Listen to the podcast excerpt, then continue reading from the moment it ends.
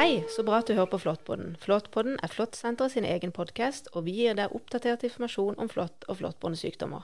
Mitt navn er Yvonne Kerlefsen, er biolog og rådgiver ved Flåttsenteret. Som vanlig har jeg med meg min kollega i Flåttsenteret, lege og forsker Åslaug Rudjord Lorentzen. I dag skal vi snakke om en rykende fersk studie fra Sørlandet sykehus. Studien er publisert i Clinical Infectious Diseases og har fokus på en nokså ny oppdaga flåttebåren bakterie som heter Candidatus neolichia micurensis. Ja, og så har vi invitert eh, førsteforfatter i artikkelen, Hanne Kvarsten. Du er forsker ved mikrobiologisk avdeling. Velkommen til studio. Tusen takk for det. Yvonne var jo litt inne på det allerede i introen her, at dette er en artikkel med hovedfokus på en nokså ny flåttbåren bakterie. Hva er det som gjør denne bakterien så interessant? Det er to ting. Det første er at vi har flere sykehistorier hvor pasienter som har et svekka immunforsvar, har fått påvist infeksjon, og de har ganske høy og langvarig feber, og de har også en tendens til å få blodpropp. I tillegg så fins det ganske mye av denne bakterien i flått, iallfall på Sørlandet. Så hvor vanlig er det? Altså hvor mye av denne bakterien finner dere i flått? Vi kan sammenligne litt med hva vi finner av borrelia. Studiet viser at i 10-30% av flåtten i Norge så finner vi borrelia-bakterien. Når vi har undersøkt uh, flått fra Sørlandet, så finner vi at 17% av flåtten inneholder neolikia. Dvs. Si at ca. én av fem flått på Sørlandet har neolikia. Og hvordan det er ellers i landet, vet vi ikke så mye om, men den fins også andre steder. Så denne bakterien er nesten like vanlig eh, å finne i flått som borrelia. Eh, og, det er ganske relativt høyt eh, tall, men hvorfor ser vi ikke mer sykdom da? Den er nesten like vanlig som borrelia, og mer vanlig enn andre mer sjeldne flåttbårne bakterier. Eh, grunnen til at ikke vi ikke ser så mye sykdom av denne bakterien, det er at de fleste mennesker er immunfriske og klarer å kvitte seg med en eventuelt eh, infeksjon fort, uten at de trenger å ha noen form for symptomer. Eh, akkurat det der med at folk er immunfriske. Altså, du publiserte jo i 2017 en artikkel der du så på blodet hos personer som hadde gjennomgått det vi kaller eritema migrans, altså en borrelia-infeksjon i huden. Og, og, der fant dere jo også noen som hadde positiv test for neoalikia. Vi ønska å undersøke flåttbitte som hadde symptomer etter flåttbitt. Og det vanligste symptomet som vi er, vant med her i Norge, er eritema-migrans. Og når vi da undersøkte blodet til disse, så fant vi at 10% av de også hadde fått overført neoelikia via flåttbitte. Når vi undersøkte ny Eh, blodprøve noen uker senere, så var alle blitt friske. Og de oppga at de ikke hadde noen symptomer i forbindelse med det her. Så de kvitta seg lett med infeksjonen. Men så er det litt annerledes med de som har et svekket immunsystem. Ja, de klarer ikke så lett å kvitte seg med bakterien. Og det er også de fleste sykehistoriene som er publisert i Europa, er hos immunsvekka. Det er de som blir alvorlig syke. Mm. Immunfriske kan også bli syke, men det er veldig, veldig sjelden. Ja, og når vi, når vi, snakker om immunsvekket, eller det å ha svekket immunsystem, så er det jo enten at du står på veldig sterke medisiner som gjør at immunsystemet ditt er veldig lavt. Det kan f.eks. være at du har en, annen en autoimmun sykdom eller en kreftsykdom som gjør at du gis en veldig sterk medisin som demper immunresponsen.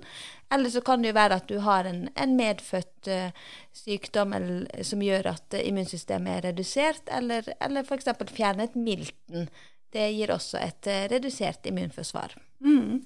Akkurat det med å fjerne milten, det var det vi så i det første tilfellet som ble publisert i Norge. Det var en pasient i Arendal ja, altså vi, vi, var jo faktisk først ute med å eh, påvise denne bakterien da. Og den artikkelen du refererer til nå, ble jo publisert i Legetidsskriftet i 2017. Kan ikke du fortelle litt om den pasienthistorien? Det var en pasient som hadde feberepisode over flere uker, og fastlegen så at uh, han ble veldig redusert av infeksjonstilstanden sin, og han ville ha den lagt inn. Eh, han fikk vanlig antibiotikabehandling som ikke virka. Eh, så legene var veldig forundra over hva som kunne være årsaken til infeksjonen hans. Og de tenkte etter en stund på det at han var veldig eksponert for flått fordi han var en aktiv friluftsmann. Så da ønska de å undersøke for flåttbårne infeksjoner. Og da kom han ut som positiv for neolichia. Og det gjorde at han kunne få en annen type antibiotika og bli friskere. Og da blir jeg litt nysgjerrig, Hanne. For hvordan altså hvorfor virka ikke denne penicillinen han hadde fått uh, først? Penicilliner virker mot cellevegg celleveggen til bakterier, mens denne neolicia er en bakterie som ligner på et virus og er intracellulær.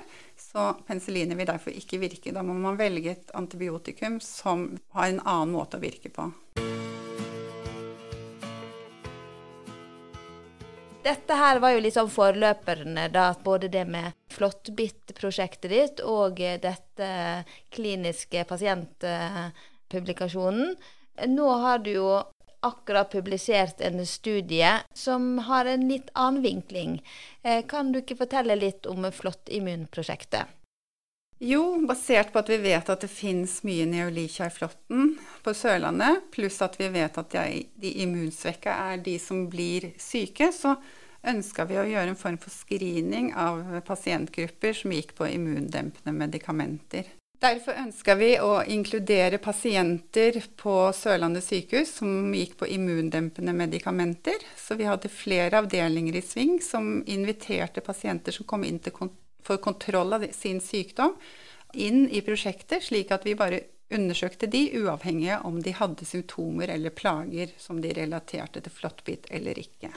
Så dere inkluderte pasienter som sto på sterke immundempende medisiner. Og da jeg ser i artikkelen, og jeg er jo sjøl med på den artikkelen og inkluderte pasienter, eh, hovedtyngden der var jo det vi kaller rituximab-behandling og infliximab-behandling. To sterke immundempende medisiner. Og dette var da pasienter som i utgangspunktet ikke hadde noe tegn til infeksjon, som kom for sine rutine eh, infusjoner, eh, og fikk da spørsmål om å være med i studien. Kan ikke du si litt om hva fant dere? Det viktigste funnet i det studiet var at nesten én av ti hadde en flåttbåren bakterie i blodbanen, og de fleste hadde da neoelicia i blodbanen. Og det som var spesielt interessant, det var at om vi tok en ny prøve et par uker senere for å se om vi så det samme, så fant vi igjen et positivt funn. Eh, de fleste ble behandla da etter et par uker, når vi kunne eh, konfirmere funnet, men i noen tilfeller så fant vi infeksjonen tilstedeværende opp til nesten 60 dager. Men alle ble friske ved behandling. Og det er jo veldig positivt at det her kan behandles. Eh, men for de som hører på denne episoden, veldig mange har aldri hørt om dette før, denne bakterien. Det er en relativt nyoppdaga bakterie. Har du noen råd du ville gitt f.eks. leger eller pasienter som er immunsupprimerte? Det er jo det som er litt vanskelig å vite. Hva betyr egentlig disse funnene? Jeg tenker at eh, rådene må være at eh, vi jobber med å opplyse om risikoen i disse pasient, aktuelle pasientgruppene, og opplyse leger slik at de har fokus på det i forhold til at pasienter kommer inn med symptomer som kan passe, at de har vært eksponert for flått osv.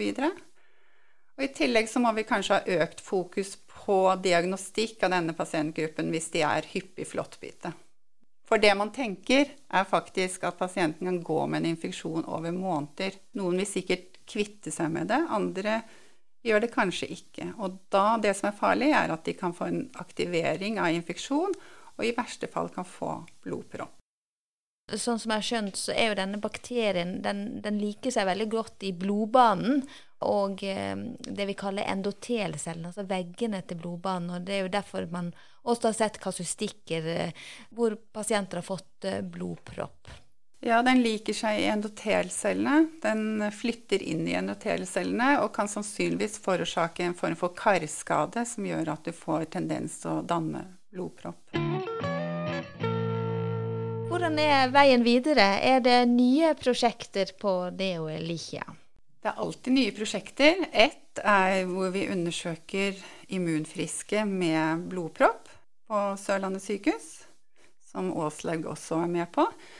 Og da tenker vi at vi, vi, vi vil finne ut av om, om neolikia kan være en vanlig årsak til blodpropp hos immunfriske. Vi tror det ikke, men det er også et funn å finne ut om det er det eller ikke. Kan også spørre han, Er det mye forskning på neolikia i Europa generelt, eller er bare i, i Norge at man er interessert i dette? Vi har hatt et samarbeid med en gruppe på Salgrenska. Eh, de er egentlig best i verden på dette, så det er vi veldig stolt av leda av professor Kristine Vennerås. Så vi, våre prosjekter gjør vi i samarbeid med henne.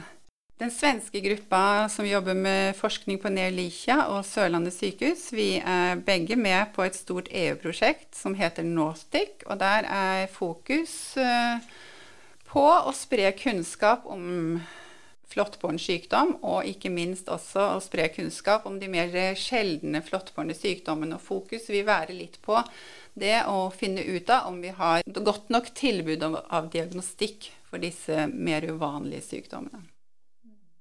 Ja, for dere på mikrobiologisk avdeling på Sørlandet sykehus, dere er jo faktisk et sånn referanselaboratorium for eh, borrelia. Eh, men gjelder det også for de andre mer sjeldne flåttbårne sykdommene? Vi er bare referanselaboratorium for eh, borrelia-diagnostikk, men vi er pålagt å drive forskning, og vi har oppretta rutinediagnostikk for sjeldne flåttbårne infeksjoner som neolikia, eh, borrelia myematoi, som er en tilbakefallsfeberlignende bakterie, og riketsia og anaplasma. Tusen takk, Hanne. Det var veldig interessant å høre på. Og det du jobber med, er jo veldig i vinden, dette med de her nye, eller ikke nye, da, men sjeldne flåttbåndsykdommene. Åslaug, du kan kanskje oppsummere litt? Ja, nå har vi rett og slett hørt litt om candidatus neolicia micorensis. Og den er jo faktisk eh, nokså hyppig i flåtten. Og vi må være obs på den hvis vi har pasienter som står på immundempende behandling, altså medisiner som demper immunsystemet kraftig.